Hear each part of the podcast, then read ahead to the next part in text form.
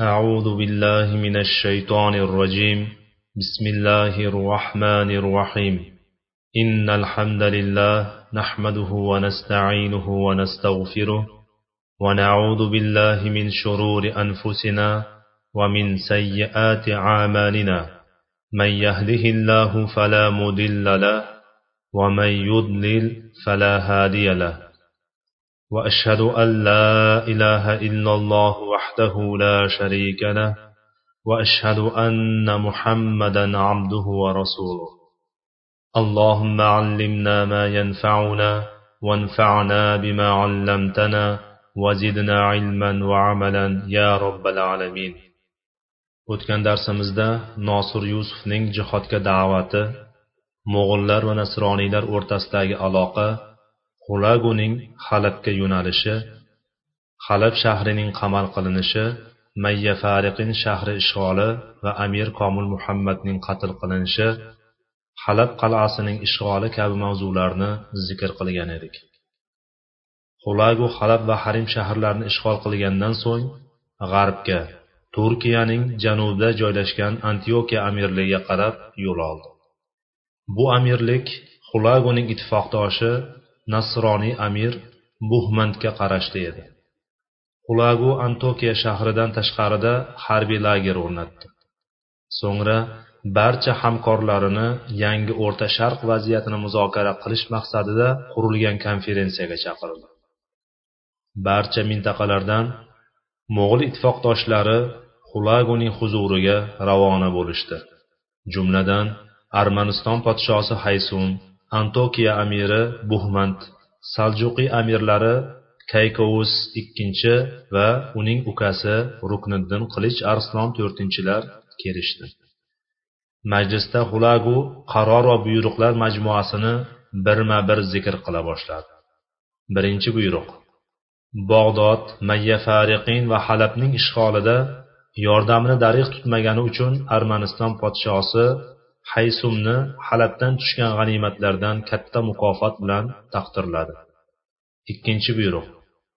U ikki sulton ya'ni saljuqiy amirlari kaykovus ikkinchi va rukniddin qilich arslon to'rtinchilar zarariga hukm o'qidi.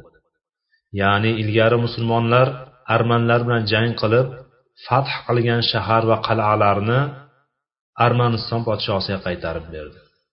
Bu qarorga ikkala sulton ham e'tiroz bildirishga fursat topmadi ham. Uchinchi buyruq.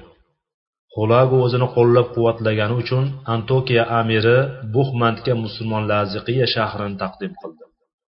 Chunonchi bu shahar salibchilar qo'lidan salohiddin ayyubiy rahimaulloh zamonlarida ozod qilingan va o'sha lahzadayoq musulmon bo'lgan edi. Endi esa bir og'iz kalima bilan nasroniylarga topshirildi. ولا حول ولا قوة إلا بالله to'rtinchi buyruq. Xulagu tomonidan berilgan bu qaror juda g'aroyib edi. Unda antokiya va armaniston podsholarining zarariga hukm qilindi. Bu qaror bundan buyon tizgin ularning yangi sayyidlari xulaguning qo'lida ekanligi va ittifoqdosh amir va podsholarning hech kim emasligiga urg'u berish hamda haysun va buhmandlar biz xulaguga teng huquqlimiz degan o'ylari xom xayol ekanligini isbotlash yo'lida qilingan tadbir edi.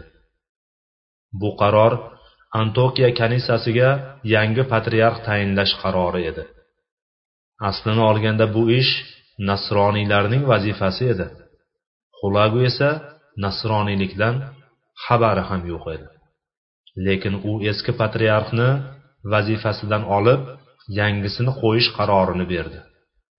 Ustiga ustak yangi patriarxni yunonistondan olib kelishni bildirdi. Ya'ni boshqacha qilib aytganda katolik kanisasiga o'rtodoksal yo'nalishdagi patriarxni boshliq qilishni aytdi. Bu nasroniylar tarixida uchramagan o'ta xatarli hodisa edi. Katolik va o'rtodoksal toifalari orasidagi munosabat juda keskin edi. Xulagu italiyalik rohib o'rniga yunonistonlik rohib yumniusni tayin qildi. Shomdagi barcha kanisalar katolik mazhabida edi. Xulaguning bunday yo'l tutishi ostida bir necha sabablar yotardi. Birinchi atrofida o'zlarini bosh deb sanamasliklari uchun armaniston va antokiya amirlarini popugini pasaytirib qo'yish. Ikkinchi mintaqada g'alayon bo'lishi ya'ni bu joylardagi amir va podsholarning doimiy murosasiz bo'lishi. Uchinchi qulagu ma'lum bir muhlatga buyuk vizantiya davlati imperatori bilan murosa qilishni ixtiyor qilgan edi. Musulmon o'lkalarni zabt etib bo'lgandan so'ng uni ham egallashni diliga tukkan edi.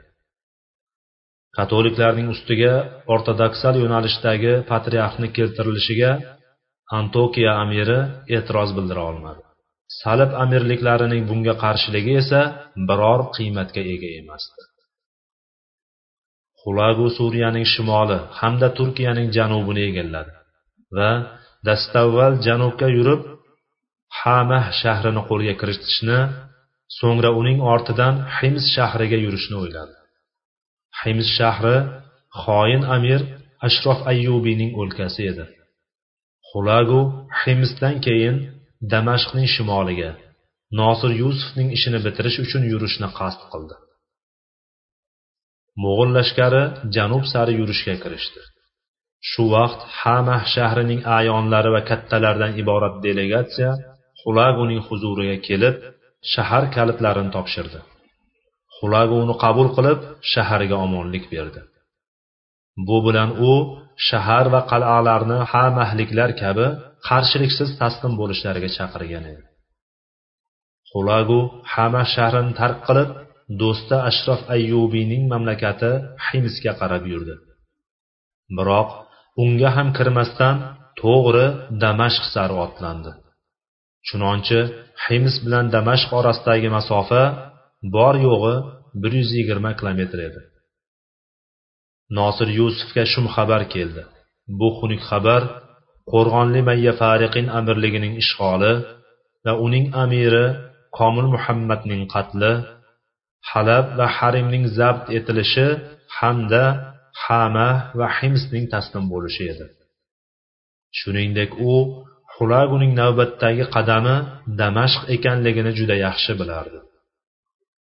Xulagu damashq ahliga elchilar yubordi. Elchilar shaharga hijriy 658 yil 17 safar. Melodiy 1260 yil 9 fevral dushanba kuni kirib kelishdi. Peshin namozidan so'ng shahar xalqiga taslim bo'lish muqobilida omonlik va'da qilingan farmon o'qildi. Shunda damash ahlidan ba'zi katta ayonlar va amir zaynuddin hofiziy boshliq xalq halabning kuni boshimizga tushmasidan taslim bo'laylik va omonlik talab qilaylik deyishdi. Ammo ruknuddin beybars bunduqdoriy boshliq bahriy mamluklar va shahar ahlining ba'zilari bu fikrni rad qilishdi. Beybars amir zayniddinga musulmonlarning halokatiga sizlar sababchisizlar dedi. Nosir yusuf esa amir zayniddinning fikrini ma'qul ko'rdi. Shunda beybars bahriy mamluklarga nosir yusufni o'ldirib qalbida iymon ummat g'ami va hamiyati bor odamni amir qilish qarorini berdi. Bundan xabar topgan nosir yusuf damashq qal'asiga berkindi u beybars va bahriy mamluklarni g'azoga ketganidan xabar topgandan so'nggina qal'adan chiqdi. Qo'rqoqligida mashhur nosir yusuf nima qilarini bilmay dovdirab qoldi. Vaholanki o'zi mo'g'ullarga qarshi jihod e'lon qilib qo'ygan edi. Endi nima qilish kerak degan o'y uning ich ichini kemira boshladi. U o'ylar olamida ko'p hayallamasdan armiya sardorlari va kattalarini to'plab majlis qurdi. Mashvarat tortishuv va bahslar bilan uzoq cho'zildi. Oxiri shaharni himoya qila olmaymiz qochishdan boshqa chora yo'q degan qarorni yoqlab chiqishdi. Aslini olganda esa shaharning himoyasi haqida gap so'z bo'lmadi desak mubolag'a bo'lmas. Nosir yusuf uning amirlari va armiyasi damashq shahri va uning xalqini himoyasiz yordamsiz holatda tashlab o'zlari qochib qolish qaroriga kelishdi. Nosir yusuf hijriy 658 yil safar oyi melodiy 1260 yil fevral oyining o'rtalarida juma kuni o'ziga ergashganlarni olib barzadan g'azoga otlandi. Mustahkam qo'rg'onli buyuk shahar amirlarsiz va tamoman himoyasiz qoldi. Inna lillahi va inna ilayhi rojiun. Nosir yusuf halabga yigirma uch yilu yetti oy jumladan damashqqa ellik kun kam o'n yil voliylik qilgan edi. Damashq xalqi esankirab qoldi. Chunki amirlari va muntazam armiya shaharni tashlab qochib qolgan mo'g'ul lashkari bir necha kundan keyin yetib keladi va mo'g'ullar hech kimni ayamaydi. Qo'li quruq biror narsani salomat qo'ymaydi. U ham yetmaganday xalq jihodga tayyorgarlik ko'rmagan va jang sirlaridan bexabar edilar. Shu sabab damashq xalqi sarosimiga tushib nima qilarini bilmay qoldi.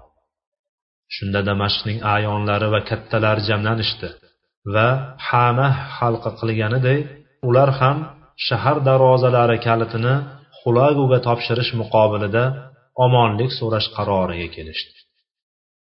Ozgina mujohidlarni demasak boshqa barcha ushbu qarorning tarafdori bo'lgan edi. O'sha oz sondagi mujohidlar damashq qal'asini o'zlariga qo'rg'on tutib oxirgi lahzagacha turib berishdi. Xulaguning hamah shahriga bergan omonligi o'z samarasini bera boshlagan edi. Damashq ham jangu jadalsiz taslim bo'lish yo'lini tanladi. Damashq ayonlaridan iborat delegatsiya xulaguning huzuriga kelib sovg'a salomlar bilan shahar kalitlarini taslim qilishdi va itoatlarini izhor qilib omonlik talabida bo'lishdi. Biroq xulagu bu delegatsiyaga biroz ishonqiraman va kitbugani damashqda haqiqatda ahvol qandayligini bilish uchun jo'natdi. U shaharga kelganida xalq undan omonlik so'radi. So'ngra takror shahar ayonlarini xulaguning huzuriga yo'lladi. Shaharda musulmonlarning holati shu qadar tubanlikka yetgani va aqalli bir kishi ham bosh ko'tarmaganidan tarixchi roshiduddin fazlulloh shunday tasvirlaydi mo'g'illar shaharga biror musohara va jangu jadalsiz kirib bordilar.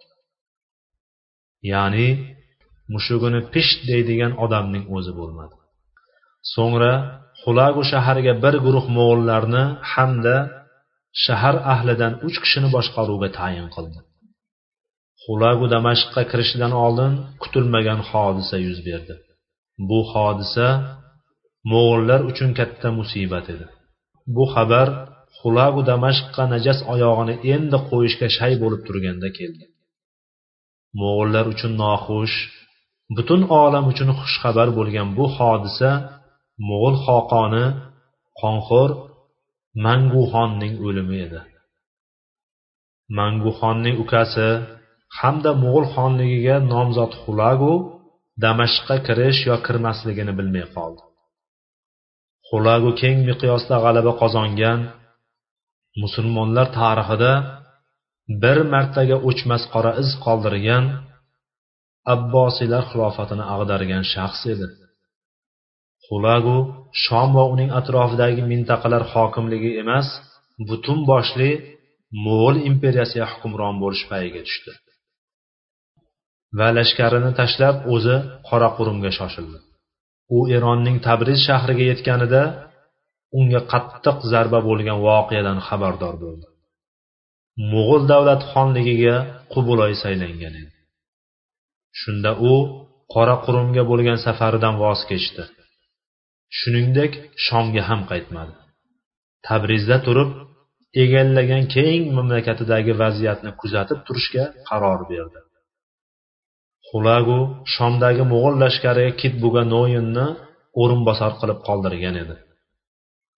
U damashq ayonlaridan olgan shahar kalitlari evaziga damashq xalqiga omonlik berdi va lashkari bilan buyuk shahar damashq sari yo'l oldi.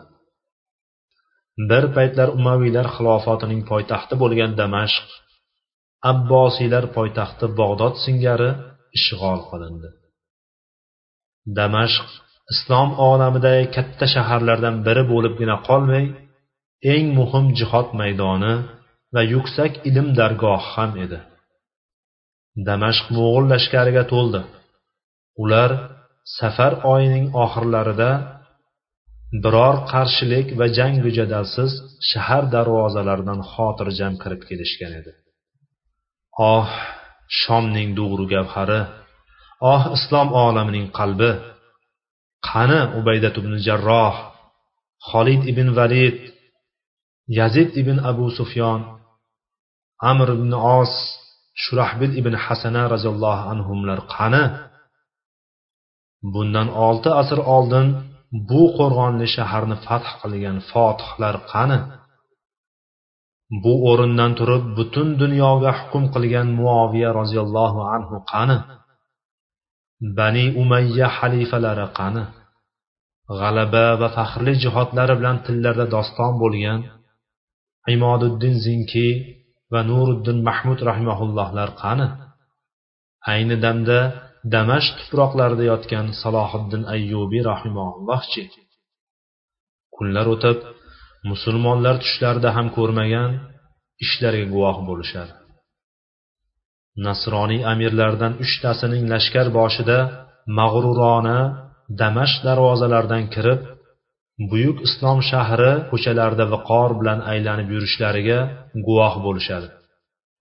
Mo'g'ul lashkari oldida ularning sardori nasroniy kit buganoyin va uning hamrohlari armaniston podshosi haysum va antokiya amiri buxmand kirib kelishadi. Hijriy o'n to'rtinchi yil islomiy fath bo'lgan kezlar rum qaysari hiraql zamonida rumon lashkarining amirlari damashqni tark qilgandan buyon bu shaharga ilk bor nasroniy amirlarning qadam qo'yishi edi. Vala havla vala quvvata illa billah. Mo'g'ullar qal'ani o'ziga qo'rg'on qilgan mujohidlardan boshqa hech kimni o'ldirmadi. Damashq hijriy olti yuz ellik sakkizinchi yil safar oyining oxirlarida melodiy bir ming ikki yuz oltmishinchi yil fevral oyida ya'ni bog'dod ag'darilganidan ikki yildan so'ng ishg'ol qilindi. Bu ikki yil mobaynida mo'g'ullar iroq turkiya va suriyaning bir qator shaharlarini zabt etishdi. Ketbuga hijriy olti yuz ellik sakkizinchi yil oltinchi robiyul avval melodiy bir ming ikki yuz oltmishinchi yil yigirma yettinchi fevral kechqurun xulagudan farmon olib mujohidlar qo'rg'on qilgan qal'ani qamal qilishga kirishdi. Qal'a atrofiga yigirmadan ortiq manjaniqlar o'rnatib qal'ani o'qqa tutishdi. Va nihoyat shu yilning yigirma ikkinchi jumodil ula ya'ni o'n ikkinchi may kuni qal'ani ishg'ol qilishdi. Undagi hamma narsani buzib vayron qilishdi. Mujohidlarning boshlig'i badriddin ibn muhammad karmajoh va uning yordamchisi jamoliddin ibn sayrafiy al halabiyni qo'lga olib qatl qilishdi. Mo'g'ullar damashq shahrini nasroniylar vositasida idora qila boshladi. Nasroniylarni ulug'lab ularga juda muhabbatli bo'lgan ebelsiyan ismli mo'g'ul shahar boshqaruviga qo'yilgan edi. Damashq o'z tarixida juda ajib davrni boshdan kechira boshladi. Ibn kasir rahimaulloh al bidayat va nihoyada bu holat tafsilotini shunday tasvirlaydi. Ebelsiyan laanahulloh nasroniy yepiskop va ruhoniylarni to'plab ularni juda ulug'lab kanisalarini ziyorat qildi. Uning yuzidan ular ham davlat ham savlat topdilar. Ulardan bir guruhi sovg'a salomlar bilan tabrizga xulaguning huzuriga borishdi. Xulagu ularni chiroyli qarshiladi so'ngra ular hadyalarni taqdim qilib evaziga undan omonlik olishdi. Ular damashqning tumo eshigidan qo'llarida yog'ochga o'rnatilgan xoch bilan kirishdi. Ular xochlarini baland ko'tarib olishgan va sahih din bo'lmish masihning dini g'olib bo'ldi degan o'zlarining manfur shiorlarini aytgan holatda kirib kelishardi. Islom dini va musulmonlarni xo'rlagan holatda xamir solingan idish va shishalarni ko'tarib olib biror masjid yoki musulmonlarning oldidan o'tsalar idishdagi bu najas xamirni ularning eshiklari va musulmonlarning yuzlariga sepmasdan o'tmas edilar. Bu hodisa muborak oy ramazon kunlariga to'g'ri kelgan edi. Ko'cha ko'y va bozorlarda yurgan musulmonlarni xochlarini qarshida tik turishiga buyurar edilar. Ularning xatibi bozorning bir burchagidagi do'konning qarshisiga kelib nasroniy dinini madh etib islom dini va musulmonlarni mazammat qildi. Inna lillahi va inna ilayhi rojiun. So'ngra ular masjidga kirishdi. Kirishlaridan oldin uning eshiklariga mayni sepishdi. Shunda musulmon qozilar guvohlar va faqihlar ebel siyanga shikoyat qilib uning huzuriga borishdi. U musulmonlarni xo'rlab nasroniylarning kattalarini so'zlarini ularga taqdim qilib huzuridan quvib soldi. So'ngra suriyadagi mo'g'ul sardori kit buganoyin lashkardan bir qismini falastinga jo'natdi. Bu mo'g'ul lashkari falastinni ishg'ol qildi. So'ngra nablusni qo'lga kiritdi. Keyin mo'g'ul qo'shini falastindan o'tib g'azo shahrini ishg'ol qildi. Biroq ular suriya va livanda nasroniy amirliklariga teginmaganlaridek falastindagi salib amirliklariga ham yaqinlashmadi. Shunday qilib falastin mo'g'ullar va nasroniylar orasida taqsimlandi. Mo'g'ullar falastinni ishg'ol qilgan ondan e'tiboran butun iroq turkiyaning katta hududlari suriya livan va falastinni egallagan edilar. Bularning barchasi atigi ikki yil ya'ni hijriy 656 658 yillar. Melodiy 1258 1260 yillar orasida yuz berdi. Mo'g'illarning navbatdagi qadami misr edi. Mo'g'illarning oldida misr hududigacha bor yo'g'i 35 kilometr masofa qolgan edi xolos. O'sha paytlar misr mamluklar hukmida edi. Mo'g'ullarning misrga yurish qilishlarining bir necha sabablari bor edi. Birinchi mo'g'ullarning bosqinchilik siyosati. Undan ma'lum bo'ladiki ular bir davlatni bosib olsalar so'ngra albatta boshqasiga o'tardilar. Endi ularning navbatdagi qadami falastinning yon qo'shnisi misr diyori edi. Ikkinchi islom olami ichida mo'g'ullarga tahdid solish quvvatiga ega bo'lgan birgina misrning qolganligi. Xorazm davlati bog'dod halab damashq va boshqalar mahv etildi. Islom olamidagi oxirgi bekat misr mintaqasi bo'lib bordiyu u ham zabt etilsa yer kurrasida musulmonlarni qadri qolmasligi turgan gap edi. Uchinchi. Misrning o'ta muhim strategik mavqega egaligi. Misr qadimda dunyoning markazlaridan bo'lib u orqali tijorat yo'llari o'tganligi kunday ravshan edi. To'rtinchi. Misrning afrika eshigi ekanligi. Agar misr qo'lga kiritilsa mo'g'ullar shimoliy afrikani butunlay qo'lga kiritar edilar. Chunki o'sha damlar shimoliy afrika aytarli quvvatga ega emasdi. Beshinchi misr nufusining ko'pligi. O'sha vaqtlar misrning aholisi boshqa islom mintaqalariga qaraganda ancha ko'p edi. Bu esa o'z navbatida har qanday dushmanga haqiqiy xatarni tug'dirishi tabiiydir. Oltinchi misr ahlining diniy hamiyati va islomiy uyg'onishi juda yuksakligi mo'g'ullar qo'rqqan narsa hamiyatli g'ururli va islomiy uyg'oq katta xalq orasidagi g'ayur. Islomni ardoqlagan solih mujohidlardan biri ularga bosh bo'lib vaziyatni o'zgartirishi va mo'g'ullarni bu mintaqalarga kirishini man qilishi edi. Mo'g'ullarning misrga hujum qilishiga doir voqealar haqida so'zlashdan oldin misr mintaqasidagi holat mamluklar tarixiga oid ma'lumotlarni zikr qilishni lozim topdik. Buning tafsiloti yangi mavzuga kirishimizni taqozo qiladi. Alloh taolodan tavfiq so'ragan holda uning izohiga kirishamiz inshaalloh. Darhaqiqat islom tarixida chuqur iz qoldirgan mamluklar davlati tarixidan nafaqat omma musulmonlar hatto ziyoli musulmonlarning aksariyati ham bexabardir. Buning bir necha sabablari bor. Jumladan mamluklar davlati paydo bo'lgan kezlarda islom ummati katta bo'linish tarqoqlikka yuz tutgan hamda uning ichida ko'plab amirliklar va davlatchalar yuzaga kelgan edi. Tarixning bu davrini o'rganish o'quvchidan zo'r berib tirishishni talab qiladi. Chunki mamluklar faqat ma'ruf bo'lgan beshta yoki oltita shahargagina hukm yurgizgan.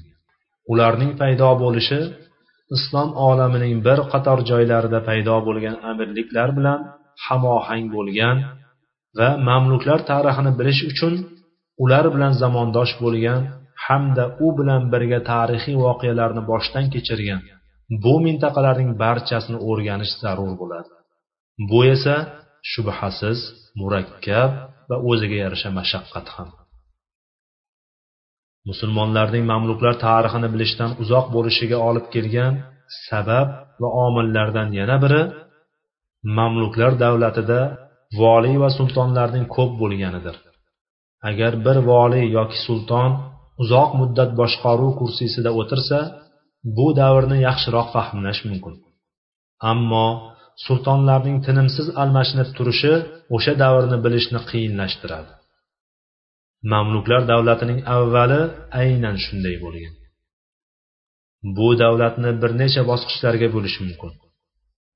Uning ilk bosqichi al mamalik al bahriya davlati deb atalgan va bir yuz qirq to'rt sana davom etgan. Bu davrda yigirma to'qqizta sulton o'tgan ya'ni o'rta hisobda har besh yilda davlat boshlig'i almashib turgan. Bu bilan har bir sulton qat'an besh yildan hokim bo'ldi demoqchi emasmiz. Ularning ichida bir necha yillar yoki bir ikki yil sulton bo'lganlar ham bo'lgan albatta. Lekin shu muddatda o'shancha hokimlar o'zgarganini anglatmoqchimiz. Bu esa o'sha davrning tarixini o'rganishni qiyinlashtirishi aniq. Hammasidan ham mamluklar tarixini mavhumlashishiga olib kelgan sabab bu islom tarixini soxtalashtirishdir. Sharqshunoslar va ularga maftun holatda ergashgan ba'zi musulmonlar bu soxtalikni kattalashtirib yubordilar. Chunonchi mamluklar yer kurrasi tarixida ayniqsa islom tarixida o'ta muhim va porloq muvaffaqiyat sohiblari bo'lishiga qaramay bu sharqshunoslar ular haqidagi ma'lumotlarni noto'g'ri talqin qilib buzib ko'rsatdilar. Bu muvaffaqiyatlarning eng muhimi mamluklar davlati islom ummatini parchalab tashlashga bel bog'lagan yer yuzidagi ikki quvvat mo'g'ul va salibchilar quvvatiga katta to'siq bo'lib kelganidir. Mamluklar tarixning turli bosqichlarida bu ikki tajovuzkor guruhlarga qarshi muntazam jihod qilib keldi. Mamluklar davlati yer yuzida robba rasa ikki yuz yetmish yil islom bayrog'ini ko'tarib keldi. Usmoniylar xilofati musulmonlar bayrog'ini qo'lga olguncha uni baland ko'tardilar. Mamluklar qissasiga kirishdan oldin yana bir oz orqaga qaytamiz.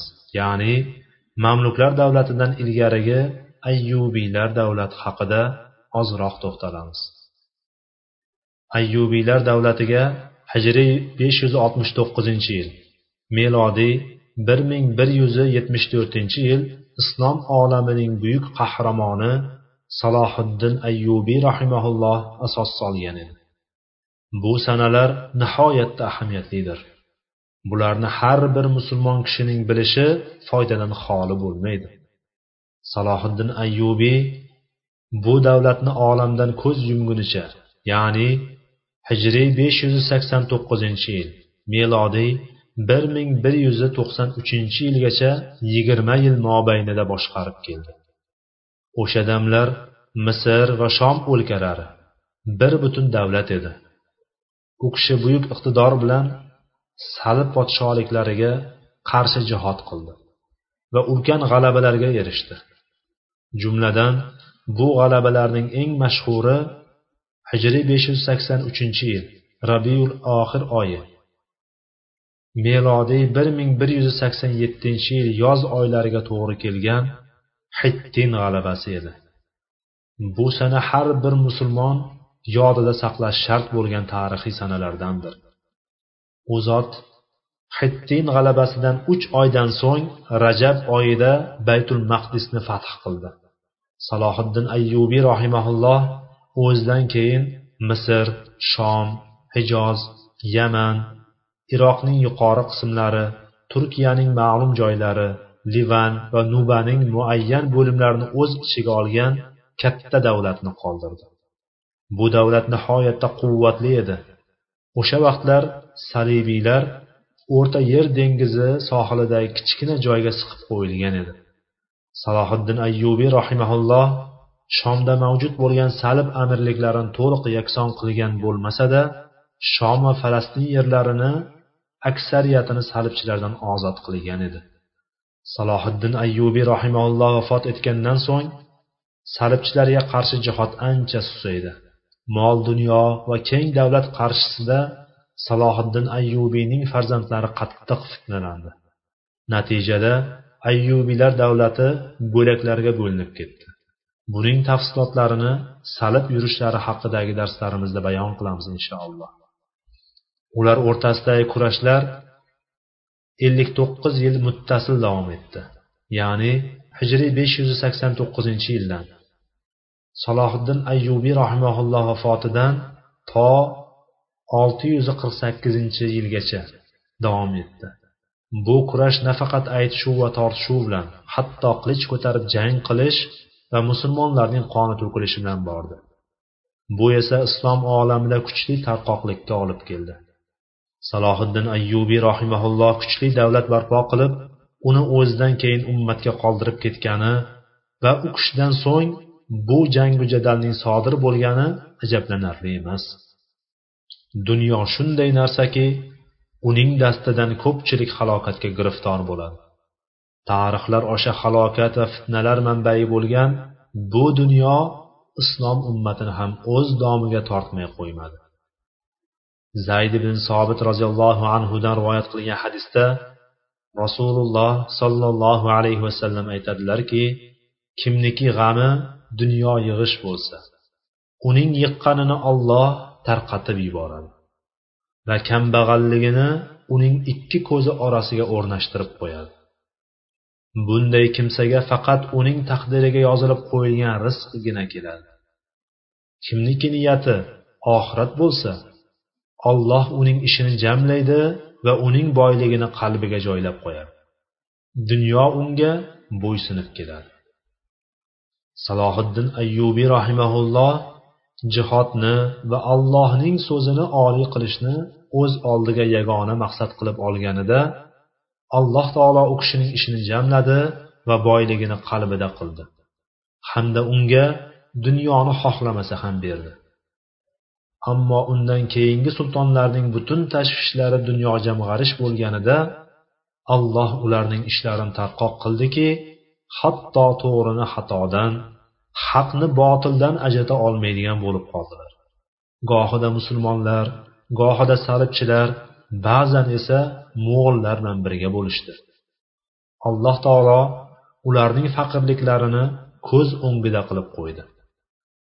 Ularning orasida xor bo'lib yoki faqir qochoq va mahbus holatda o'lganlari bo'ldi. Bu hodisalar salohiddin ayyubiy rahimaulloh vafotidan so'ng u kishining zamonlarida ro'y bergan edi. Vallohu taala alam. سبحانك اللهم وبحمدك أشهد أن لا إله إلا أنت أستغفرك وأتوب إليك.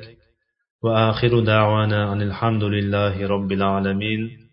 اللهم علمنا ما ينفعنا وانفعنا بما علمتنا وزدنا علما. ربنا اغفر لنا ولإخواننا الذين سبقونا بالإيمان. ولا تجعل في قلوبنا غلا للذين آمنوا. ربنا إنك رؤوف رحيم. فستذكرون ما أقول لكم وأفوض أمري إلى الله إن الله بصير بالعباد والسلام عليكم ورحمة الله وبركاته